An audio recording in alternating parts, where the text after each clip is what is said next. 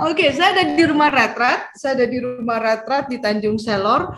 Uh, sebenarnya saya ada di sini karena ada uh, program Indonesia bermisi. Saya jadi misionaris di sini dan kemudian um, harusnya udah pulang Jakarta minggu depan, tapi kondisinya Jakarta semuanya wholesale untuk tidak pulang. Jadi saya akan di sini agak lama. Saya pikir ini saya sudah lakukan di Jakarta. Jadi minta maaf kalau uh, koneksinya putus-putus terus. Oke, okay, kita mulai dengan uh, sesuatu yang menarik. Kita ngomong ekaristi. Saya tidak tahu apa yang ada di um, pikiran Anda. Saya boleh tahu dari sini dua berapa orang, 20 sekian orang yang pernah sekarang selama pandemik itu offline lebih dari lima kali. Boleh ada yang tunjuk? Hah? Gak ada yang offline nih? Hah? Belum offline. Gak ada. Eh, sering, orang sering. sering. Ya, tapi offline ini cuma tugas itu termasuk kakak. Offline pernah aku lihat. Aku juga waktu offline. tahun lalu itu lebih dari lima kali. Oh, oke. Okay. Aku di sekolah offline terus. Oh, ya. Sekolahnya ya. Jadi ternyata kalian kalian tidak tidak ikut misa artinya ya. Oh, aduh, aduh. Ini karena antri atau karena apa nih? Karena harus uh, lingkungannya atau bagaimana? Enggak, karena, malu saja. Karena dipaksa sama ya kan memang ada ketentuannya kak nggak boleh eh, nggak uh, boleh kalau di di gereja aku tuh dibatasin kak. Jadi uh, oke okay lah kalau gitu kan masih ada alasan ya. Oke okay, sebelumnya masih ada alasan ya. Oke okay, sebelumnya mari kita lihat uh, bisa tolong tayangkan saya punya slide.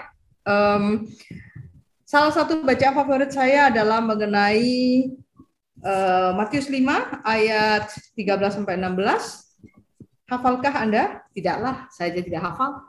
Oke, saya bacakan. Ya, sambil menayangkan saya punya slide. Sudah terima slide saya? Uh, Matius 5 ayat 13 sampai 16, cuma ada beberapa ayat. Perhatikan ada berapa kata kamu. Ya, hitung ada berapa kata kamu. Hitung ya. Saya akan mulai. Garam dunia dan terang dunia kamu adalah terang dunia. Jika garam di, itu menjadi tawar, dengan apakah ia diasinkan? Tidak ada lagi gunanya selain dibuang dan diinjak orang. Kamu adalah terang dunia. Kota yang terletak di atas gunung tidak mungkin tersembunyi. Lagi pula orang tidak menyalakan pelita lalu meletakkan di bawah gantang, melainkan di atas kaki dian sehingga menerangi semua orang di dalam rumah itu. Demikianlah hendaknya terangmu terangmu bercahaya di depan orang supaya mereka melihat perbuatanmu yang baik dan memuliakan Bapakmu yang di surga. Ada berapa kata kamu dan mu? Yang jelas kamu dan mu ini lebih daripada tiga kali. Artinya ini sangat penting. Kenapa kamu menjadi penting? Di sini ingat, nanti kalian baca lagi, di Matius ini dikatakan, kamu adalah terang kamu adalah garam. Tidak dikatakan jadilah garam, jadilah terang. Artinya apa? Setiap kita yang sudah dibaptis, yang menjadi pengikut Kristus, itu sudah menjadi garam. Itu sudah menjadi terang. Ingat, makanan kalau tidak ada garam, coba tanya yang COVID, nggak ada rasa, katanya nggak ada apa gitu ya. Satu, dan ingat, garam dan terang ini selalu buat rasa dan buat terang bukan untuk dirinya. Dia hancur, dia benar-benar di dalam makanan itu tidak terlihat. Begitu juga terang, dia ada bukan karena dia ini aku, ini aku, tapi dia membakar dirinya sampai dia kemudian menjadi terang. Maka teman-teman, bagaimana sekarang memaintain untuk terus bisa menggarami dunia ya begitu lu datang ke satu tempat kan enaknya ada yang ih asik nih ada Lucia ih asik nih ada Dena. Jangan sampai aduh males nih ada Dena aduh males nih ada ini. Ya jadi intinya garam terang eh, eh garam dan terang ini adalah suatu yang diilustrasikan untuk kita dan diingatkan untuk kita kamu adalah garam. Tidak mencari popularitas tapi menyedapkan tempat di mana kita berada ya jangan sampai posting terus menerus dan kemudian menjadi flash. Artinya just nice. Terangnya tuh just nice di mata. Nah maka gereja menyiapkan kita tujuh sakramen. Pasti kalian ingat sakramen apa aja? Boleh next? Pasti kalian ingat. Saya mau diperlihatkan uh, apa yang terjadi dengan setiap sakramen yang ada di kita. Pertama, baptis, tobat, komuni, krisma, dan kemudian nikah atau salah satunya adalah imamat dan kemudian sakramen orang sakit. Lihat ini paketnya. Paket yang disiapkan oleh gereja supaya kita tetap maintain bisa menjadi garam dan terang adalah apa? Dari kita hidup, kita lahir, baptis, kita dewasa sedikit, kita di, pasti berbuat dosa, di mana kita diminta untuk bertobat. Dan kemudian apa? Kita diberikan makanan, supaya makanan jiwa yang menghidupkan kita, yaitu Ekaristi. Dan kemudian kita dewasa, mulai tampar, dan mulai ingat kita ada roh kudus di dalam kita. Kita mulai dikuatkan oleh roh kudus, sakramen penguatan. Dan kemudian waktu lebih dewasa, kita diajak untuk komitmen di dalam hidup pernikahan atau imamat dan yang terakhir, sebelum kita meninggal, Yesus sebagai bentuk sakramen masih hadir di dalam kematian, menjelang kematian kita. Artinya, hidup kita dari bayi sampai kita meninggal, gereja hadir. Maka gereja dikatakan adalah apa? Gereja adalah ibu buat kita semua. Gereja adalah seorang bunda yang menyiapkan semua untuk kita dalam bentuk apa? Sakramen. Oke, okay? karena uh, saya punya apa tema fokus pada ekaristi, saya tidak banyak menceritakan sakramen, tapi saya pengen Anda semua habis ini browsing apa itu sakramen dan kenapa terjadi itu sakramen. Kenapa saya tidak bisa di dalam rumah terus bikin roti sendiri ini saya katakan sakramen. Itu beda ya.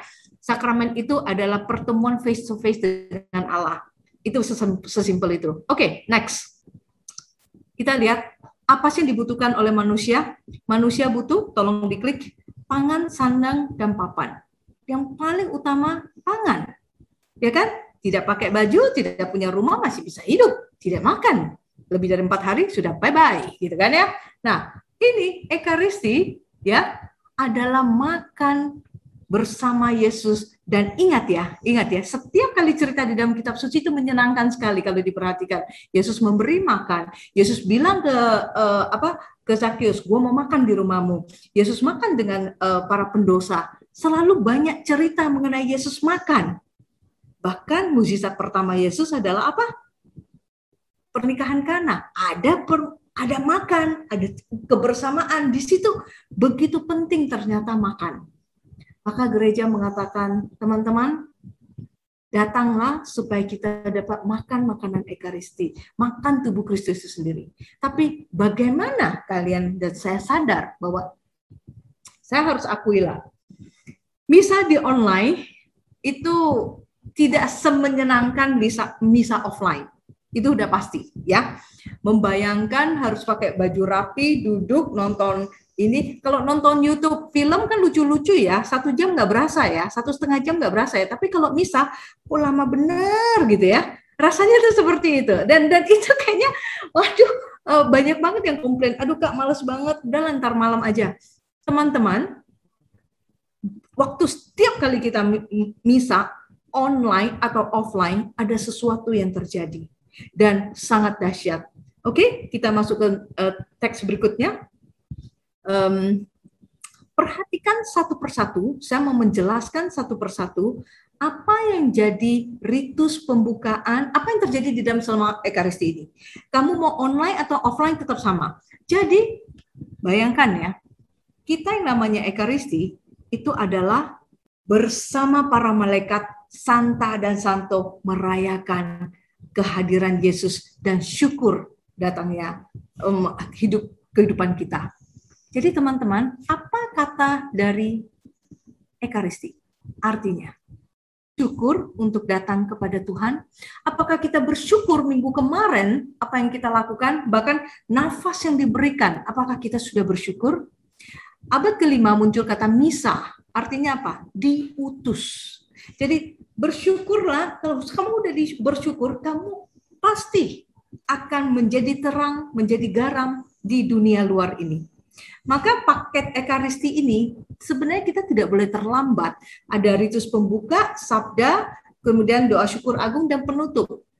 Gak bisa, ah aku mau datang nanti uh, terima tubuh Kristus saja lah. Gak bisa. Itu semua satu paket. Maka di sini saya mau ceritakan biarpun kita cuma online, tapi semua warga yang ada di surga merayakan Ekaristi bersama-sama, biarpun kita cuma online. Saya mau jelaskan satu persatu, semoga waktu saya cukup. Ya, pertama adalah bikin tanda salib. Ingat, bikin tanda salib di dalam Ekaristi itu sebenarnya cuma perlu awal dan ending, sama kayak uh, eh, PD ya. PD itu di awal dan di ending, tapi saya kadang-kadang juga terbiasa untuk bikin tanda salib di tengah-tengah. Uh, karena itu satu paket, ya. Tanda salib, bikin tanda salib bukan hanya asal bikin, hanya asal tangan begini. Ingat ya, kenapa harus di dahi? Kenapa tidak di mulut? Kenapa tidak di hidung? Dahi adalah Bapak yang mengkontrol semua. Semua berpikir kita, semua kita bergerak dan semua. Jadi dia utama. Dan kemudian putra itu dekat pusar. Ya, hati itu dekat pusar. Kalau di sini ada dokter, dia tahu hati itu dekat pusar, bukan di dada. Maka waktu kita menaruh di pusar, artinya apa? Bapak yang mengirim putranya di pusar untuk mencintai saya. Jadi Bapak mengirimkan putranya untuk mencintai saya. Waktu kita bikin tanda salib ada dua yang harus diingat. Pertama, Bapak mengirimkan putranya mencintai saya dan cintailah Allah Tuhanmu dengan segenap akal budimu dengan segenap uh, dengan segenap akal bunit segenap hatimu dan kekuatanmu. Maka waktu kita membuat tanda salib, kita membuka conversation dengan Allah itu di doa pribadi aja sangat powerful, apalagi doa bersama, apalagi bersama-sama ribuan orang sekaligus. Membayangkan itu aja sangat indah. Apalagi teman-teman, kita ini orang Katolik, orang Katolik itu iman bukan untuk pribadi. Iman kita adalah kebersamaan, union. Begitu besarnya iman kita sehingga kita di dalam satu keluarga besar. Oke, okay, um, saya kemudian masuk ke salam. Saya ingat ada teman saya, uh, kakak saya seorang pendeta, dan dia pernah berkata, uh, saya tahu di recording tapi di kenyataan, why you go to Catholic Church? Dia bilang ya, nggak biblical dia bilang. Uh, dengar firman uh, dengan homili cuma sedikit, yang mereka bilang khotbah dan dan tidak biblical itu. Tapi begitu saya mengetahui dan saya mencari tahu mengenai Ekaristi, saya semakin yakin bahwa ini benar-benar sangat biblical. Dari salamnya aja itu sudah dari kitab suci penyesalan saya dan minta rekonsiliasi antara saya dan Tuhan dimulai dari awal. Perhatikan doa pembukaan tidak di awal, diawali pertama dengan apa? Bertobat dulu, minta rekonsiliasi dulu, dan kemudian mengatakan Tuhan kasihanilah aku, Tuhan kasihanilah kami. Itu adalah teriakan siapa? Teriakan dari 10 orang kusta, guru Yesus, guru kasihanilah aku. Teriakan dari mana? Bartimius. Teriakan dari pemuji-pemuji yang ada di Mazmur. Tuhan kasihanilah aku, Tuhan kasih. Itu adalah teriakan orang-orang sungguh-sungguh membutuhkan Tuhan dan sudah tidak tahu bagaimana lagi.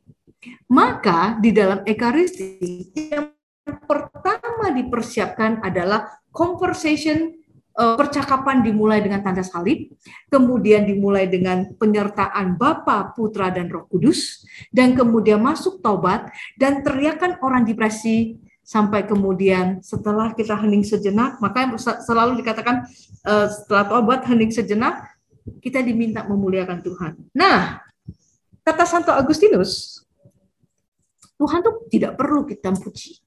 Kamu nggak perlu bilang kamu luhur, kamu hebat, kamu keren, apa tidak perlu. Tuhan tetap akan mencintai kita, biarpun kamu puji atau tidak memuji Dia.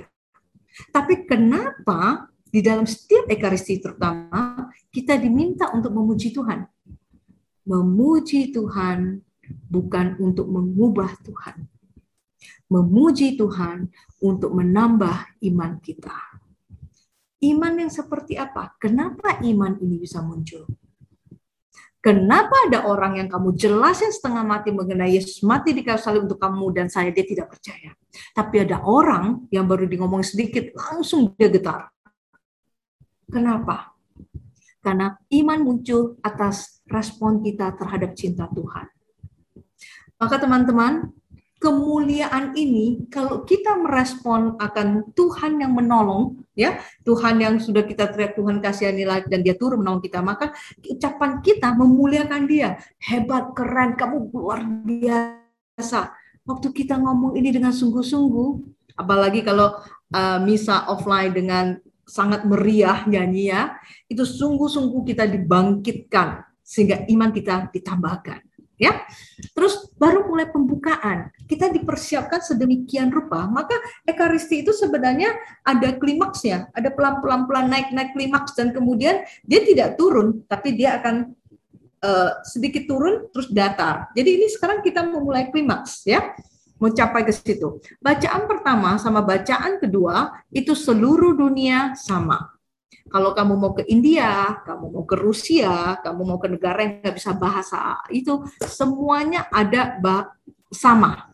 Kenapa? Karena kamu tinggal baca, harusnya kita setiap kali sebelum Ekaristi, kita baca dulu bacaan-bacaannya, dan kemudian kita mendengarkan. Waktu kita mendengarkan, iman kita akan bertambah lagi. Dan bacaan pertama, bacaan kedua, mulai sekarang ya, ada hubungannya. Jadi selalu bacaan pertama sama kedua ada hubungannya. Sedikit yang tidak ada. Tapi biasanya mengkonfirmasi antara yang pertama sama yang kedua. Menyenangkan sekali. Dan bacaan pertama sama homili, eh, bacaan Injil, selalu related. Jadi perhatikan, itu adalah satu paket yang sangat menyenangkan. Semoga nanti Anda menemukan. Terus kita masuk ke Aleluya, dan kemudian Injil, Gospel. Ingat, apa itu Injil? Apa itu gospel? Kabar sukacita, kabar baik. Saya suka sekali dosen saya mengatakan dia dia senang dia lebih suka menggunakan kabar baik karena di dalam isi Injil juga tidak selalu ada kabar baik. Misalnya pohon ara dikutuk, ya kan? Uh, Yesus men, wafat, Yesus menderita, tidak selalu kabar baik. Tapi dia mengatakan Injil adalah sebuah kabar baik. Apa pun yang kamu baca di dalam itu selalu ada isi yang penuh dengan kabar baik. Bahkan isinya ada yang membawa sukacita. Maka perhatikan waktu kita kalau offline misa bacaan Injil kita diminta berdiri. Berdiri juga ada artinya. Berdiri adalah aku siap ya aku siap aku bersedia. Makanya di awal kita berdiri ada berapa ritus yang kita berdiri dan ending kita berdiri. Dan ingat waktu bikin tanda salib kecil apa artinya? Ada yang tahu? Artinya adalah jadi waktu dia mengatakan inilah Injil Kristus dari Matius artinya apa? Kita dibikin kecil bukan mengkuduskan tetapi mengingatkan kita tiga hal. Pertama bukalah pikiranku atau terangilah pikiranku supaya aku dapat mewartakan dan simpan dalam hati supaya aku dapat melaksanakan. Hai, indah bukan? Ya, terangi akal budiku ya supaya aku bisa mewartakan dan simpan dalam hati untuk saya bisa war, uh, bisa laksanakan. So, yang namanya ekaristi itu bukan hanya mendengar, mengikuti, tetapi juga bersama roh kita, roh kita itu mulai dapat makanan, makanan jiwa. Ya, oke, okay, masuk homili. Mungkin ada sedikit yang saya harus uh, homili ini biasanya begitu kan. Apalagi sekarang mungkin kalau kalian offline kalian akan cari pastor-pastor atau uskup-uskup tertentu yang yang kalian suka hanya ikut misa dia ya saya pernah uh, ini, ini intermezzo sedikit. Saya pernah ikut misa. Uh, biasa, oh, oh, ada seorang uh, Romo yang umur 72, saya masih ingat. Dia dia mendadak dia berdiri terus dia mengatakan gini. Ini bukan di paroki saya, ini bukan paroki saya. Uh, dia ngomong gini, saya mau menyanyikan sebuah lagu karena saya minta kur menyanyikan tapi dia tidak bisa ingat umur 72 ya. Dia nyanyi, dia nyanyi, oke, okay. terus dia balik lagi dia nyanyi lagi, oke. Okay. Nyanyi itu aja kira-kira ada 4 sampai 5 menit. Selesai, dia kasih kode kasih ke putra altar untuk kasih dia mic supaya dia bisa jalan. Jadi dia bilang, "Saya terima satu, dua, tiga, empat, lima, enam email yang sangat cocok dengan bacaan hari ini. Dia bacakan email dia enam lembar, men. Bayangin, bayangin. Setelah itu dia bawa buku. Mati deh gue pikir, wah gila dia kasih buku. Mau baca berapa lama nih? Ternyata di atas buku itu dia bilang, ini bab 9 paragraf. Hari itu homilinya luar biasa, hampir 50 menit saya sudah mulai melihat kiri kanan dan semua orang main handphone, anak-anak lari, semua orang main lihat jam. Di saat itu saya merasa untuk apa saya datang ke Ekaristi? Kalau ini yang saya dapat, saya tidak menemukan apa-apa. Saya tidak mendapatkan apa-apa. Dan hari itu saya bergumul sekali antara terima komuni atau tidak. Tapi kemudian saya terima komuni, cuma saya berdoa pada Tuhan, saya katakan gini, Tuhan kalau ini yang terjadi, gereja gerejaku akan seperti apa? Anak muda akan lari semua. Tapi saya berdoa terus berhari-hari sampai hari ketiga, hari keempat, saya menemukan jawaban. Ya, ini jawaban buat pribadi saya ya, tapi uh, saya mau sharingkan ini pribadi saya. Saya mendapatkan jawaban, Dena, kamu ini ke misa untuk bertemu dengan saya atau bertemu dengan pastor? Kamu mencari saya atau mencari pastor. Wah, di situ saya dibukakan cara berpikir saya dan kemudian saya sadar penuh bahwa benar ternyata selama ini saya sudah salah. Selama ini saya sudah ke sini dan sana dan kemudian saya ke sakramen tobat untuk itu. But itulah manusia. Dan kemudian berapa bulan lagi saya kembali ke, ke gereja itu, pas pasturnya masuk, aduh ya kan? Pernah kan merasakan begitu pasturnya yang lu tahu aduh males banget gitu kan. Masuk aduh oh my god gitu kan ya. Pasti ada perasaan kayak gitu. Dan secara manusiawi ya tentu saya berdoa. Sebelum dia begitu masuk dia masuk di awal saya langsung aduh Tuhan tolong homilinya jangan lama-lama ya. Dan Tuhan mendengarkan. Hari itu homilinya 35 menit saja.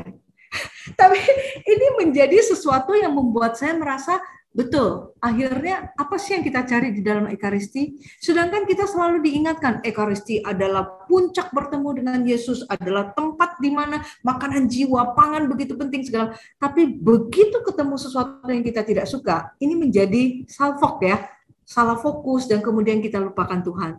Tapi apa pun dengan kesetiaan kita. Ada yang ngomong begini, bertanya. Saya ingat uh, kami ada seminar Ekaristi saya dan bertanya kepada seorang pastor. Dia mengatakan gini, Pastor, untuk apa sih saya datang ke Ekaristi? Kan Tuhan ada di mana-mana. Terus saya kan tidak konsen. Oh, homilinya nggak cocok, semuanya nggak ini, ini, ini. Saya suka sekali pastornya menjawab sesuatu hal. Pastornya mengatakan, ya mungkin kamu merasa kamu tidak dapat apa-apa. Tapi dengan kehadiran kamu, duduk di situ, kesetiaan kamu, itu dihitung oleh Tuhan. Roh kamu akan menari-nari sebenarnya. Dan situ saya mulai cek, benar ya. Bukankah kita mati raga untuk mencari Tuhan akan mendapat sesuatu yang mungkin lebih, ya kita tidak mencari pahala, tapi itu dihitung oleh Tuhan. Dan secara tidak sadar, kita akan disucikan pelan-pelan. Semoga, semoga. Oke, sekarang masuk syahadat. Syahadat ini kalau perhatikan, syahadat ini kita berdiri. Ya kan? Kenapa kita tidak duduk? Tadi saya katakan berdiri adalah sikap salah satu sikap um, siap. Entah siap diutus, siap mendengarkan, siap untuk declare, siap syahadat ini adalah doa sebelum dunia terjadi sampai akhir zaman. Aku percaya akan Allah, Bapa yang Maha Kuasa, pencipta langit dan bumi, dan akan Yesus Kristus putranya yang tunggal Tuhan kita. Itu adalah satu rangkaian iman kita. Dari Bapa yang belum ada dan kemudian menciptakan langit bumi, dia memberikan putranya dan kemudian putranya wafat dan kemudian nanti endingnya apa? Um, bersama para kudus dan kita akan kebangkitan bersama dengan dia maka kita diajak berdiri untuk mengungkapkan kesiapan kita untuk iman yang lebih dalam, untuk mempersiapkan kita di dalam doa syukur aku. itu adalah doa iman kita. Maka setiap hari kalau kamu doakan itu dengan sungguh-sungguh, makanya Rosario juga salah satu kenapa mulai dengan doaku percaya, itu juga karena mau menyatukan iman kita dan seluruh anggota gereja termasuk surga, semuanya menyatukan untuk mengatakan aku percaya akan Allah sampai akhir zaman dia menemani aku. Ah, keren ya. Nah, berikutnya doa umat. Saya tanya teman-teman, ada berapa kali doa umat kalian ingat isi doa umatnya? Sekarang karena pandemi kita tahu lah ya selalu mendoakan COVID. Tapi kalau sebelumnya yang didoakan apa? Yang diingat mungkin paus, uskup. Terus yang lain-lain nggak ingat? Ingat ya? Duh, apa? Bangsa dan negara udah. Oh, bangsa dan negara, ya betul-betul. Apalagi lima tahun ini ya, Pancasila banget ya kita ya. Ingat baik-baik, teman-teman, dua tiga orang berkumpul, maka Yesus hadir. Dua tiga orang berdoa sepakat, maka akan digenapi. Maka ini doa umat ini sangat-sangat powerful. Dan kalau kalian katakan, ah saya mendoakan ini semua tapi saya tidak merasakan ada ini. So, mungkin kemungkinan besar ini salah saya yang tidak sungguh-sungguh mengatakan kabulkanlah doa kami ya Tuhan. Mungkin itu salah saya yang selama ini saya tidak peduli. Jadi kalau doa tidak terjawab, itu jangan salahkan Tuhan juga. Balikin ke kita, apakah saya sungguh-sungguh mengimani dan mengatakan amin atau Tuhan kabulkanlah doa kami. Oke, berikutnya.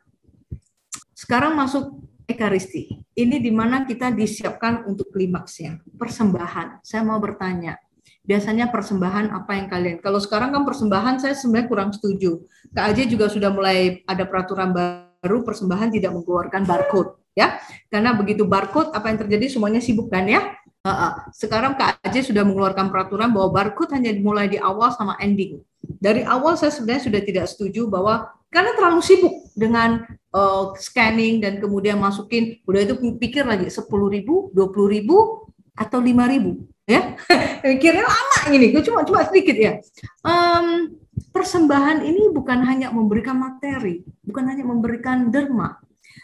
Persembahan ini juga mempersembahkan penderitaan kita cita-cita kita kekesalan kita kemarahan kita semua yang kita ingin memberikan maka sebenarnya ini sesuatu yang sangat indah Kenapa ada orang maju kalau offline ya untuk memberikan roti dan anggur? Itu juga ada artinya. Artinya ini adalah buatan manusia kami berikan kepada Tuhan. Perhatikan yang sambut siapa? Yang sambut bukan putra-putri altar loh. Yang sambut adalah imam. Di mana dia mengambil itu dan dia baru berikan kepada putra-putri altar. Betul kan? Artinya itu sesuatu yang sangat-sangat penting. Ini adalah uh, manusia perbuat apa ini adalah karya manusia yaitu roti dan kemudian anggur tapi kemudian ditaruh di depan altar akan menjadi suatu yang indah yaitu tubuh dan darah Kristus. Apa yang sudah kamu persembahkan untuk Tuhan? Maka di dalam persembahan ini bukan hanya donasi, bukan hanya menderma, tapi teman-teman tahu ya, misalnya kalian kasih 10 ribu, uh, gereja akan mem mem membagi-bagi itu untuk orang miskin, untuk kegiatan anak muda, untuk ini, untuk ini. Jadi kalian memberikan 10 ribu pada gereja itu bukan untuk 100% untuk gereja kamu. Akan dibagi-bagi lagi. Sampai gereja saya sampai membantu yang di Nabire sekolah dan segala macam dari sebagian kolektor kami. Oke, okay, uh, eh, persembahkanlah semaksimal kamu bisa. Oke, okay? kudus kudus ini juga menarik. Kudus ini adalah perhatikan saya coba bacakan sedikit semoga uh, dalam 15 menit selesai ya. Biasanya saya bawain ini tiga jam, tapi oke okay, saya coba Yesaya 6. Ini uh, saya baca hanya dua ayat. Dengar baik-baik ya. Para serafim berdiri di sebelah atasnya masing-masing mempunyai enam sayap. Dua sayap dipakai untuk menutupi muka mereka, dua sayap dipakai untuk menutupi kaki mereka, dan dua sayap dipakai untuk melayang-layang. Ya, dan mereka berseru seorang kepada yang lain. Katanya, Kudus, kudus, kuduslah Tuhan semesta Allah. Seluruh bumi, bumi penuh kemuliaanmu. Jadi ini adalah kata-kata siapa? Kata-kata para malaikat Serafim adalah malaikat yang bisa menyanyi dengan indah.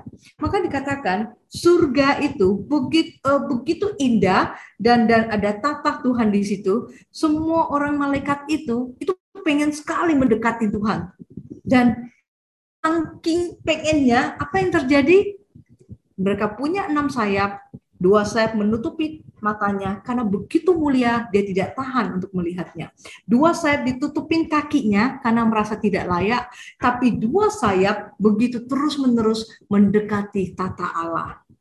Maka kamu mau online atau offline, waktu kudus-kudus itu semua malaikat ya, itu semuanya ikut dalam berseru, kudus, kudus, kuduslah Tuhan.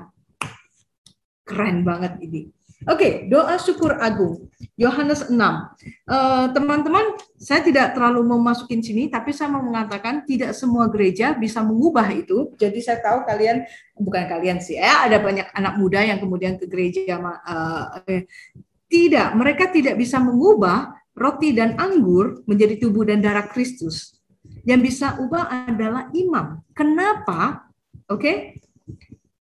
ingat last supper di mana Yesus makan bersama dengan 12 murid dan Yesus mengatakan inilah tubuhku, dia oper ke 12 muridnya, dia inilah uh, darahku dan dia oper kepada 12 muridnya. Di situ hadir siapa yang sampai hari ini kita yakin dan silsilahnya sangat jelas? Paus kita pertama, Petrus. Artinya, waktu Yesus memberikan itu, Yesus memberikan wewenang penuh untuk 12 rasul itu dan wewenang itu sampai hari ini masih berlanjut dan terus-menerus. Dan ini ke mana? Diberikan melalui sakramen imamat, penumpangan tangan yang diberikan Yesus kepada uh, Petrus terus-menerus sampai ke uskup kita dan pastor paroki kita. Maka wewenang mengubah roti dan anggur menjadi tubuh dan darah. Itu pada saat kapan? Bukan pada saat diangkat. Kalau diangkat itu sudah terjadi.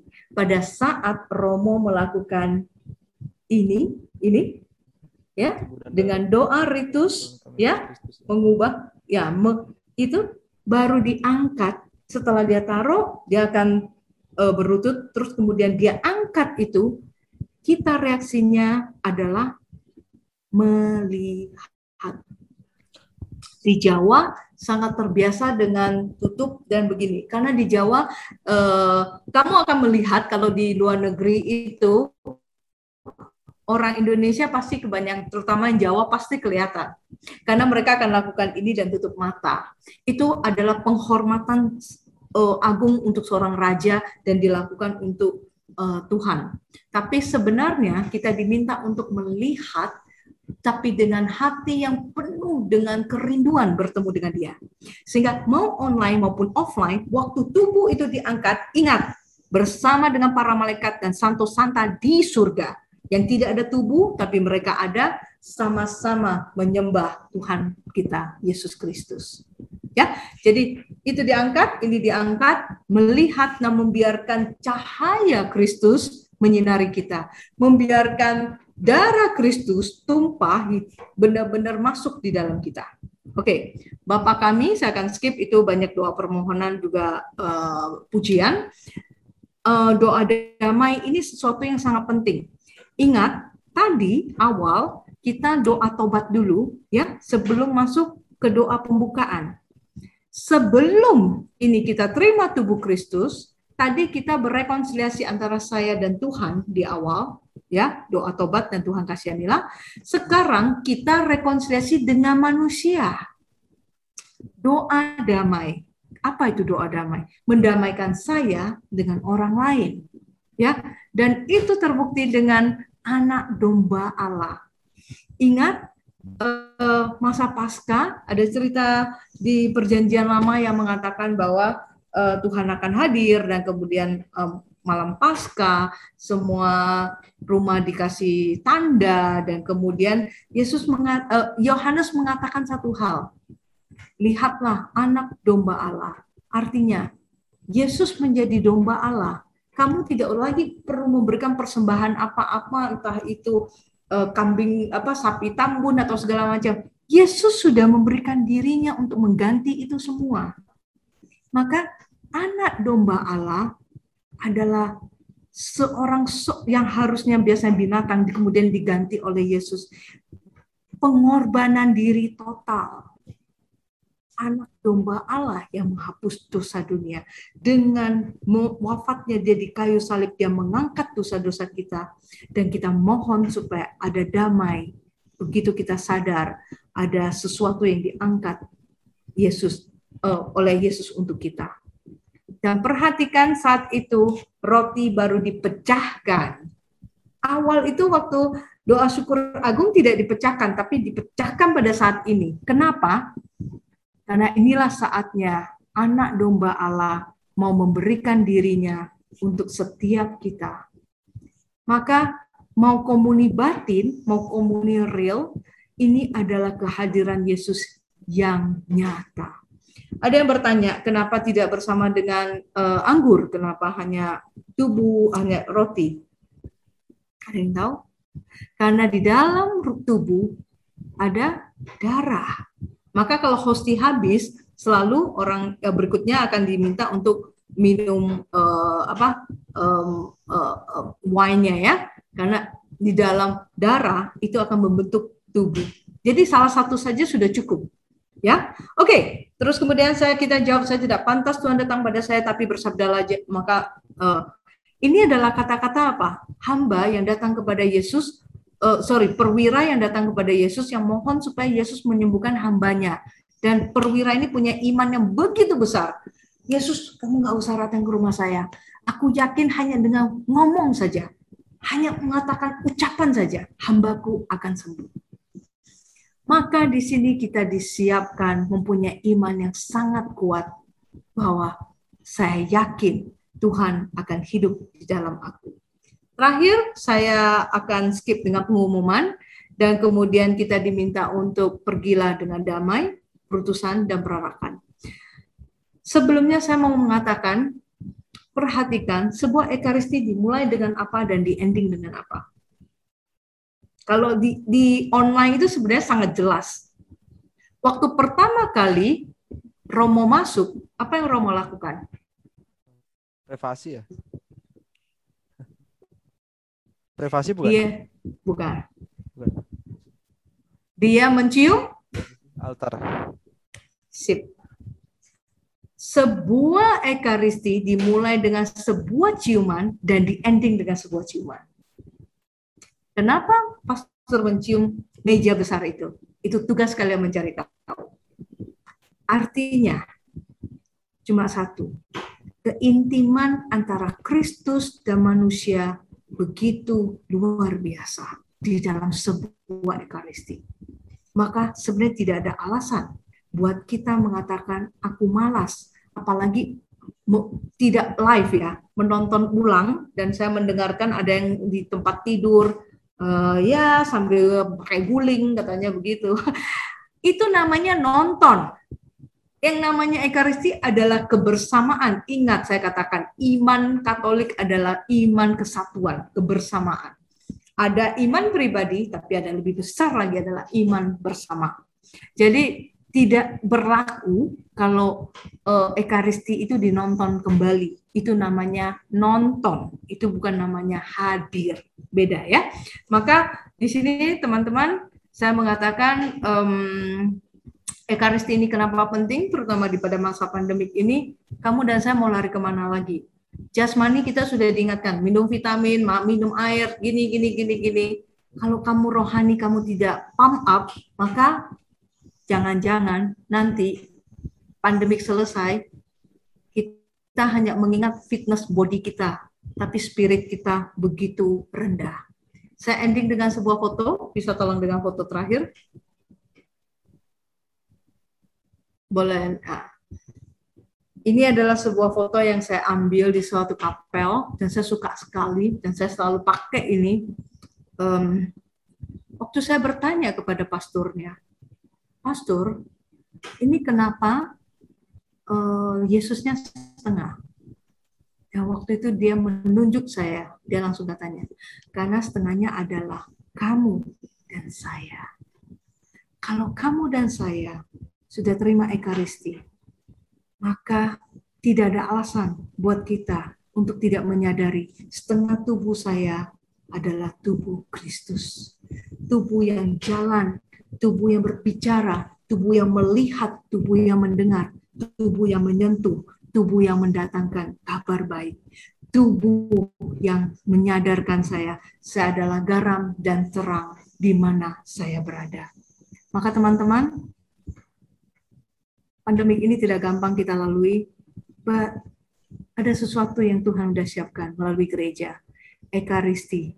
Ekaristi adalah datang bersyukur dan mari kita sama-sama diutus supaya kita diingatkan setengah tubuh kamu dan saya adalah setengah tubuh Kristus di dunia ini.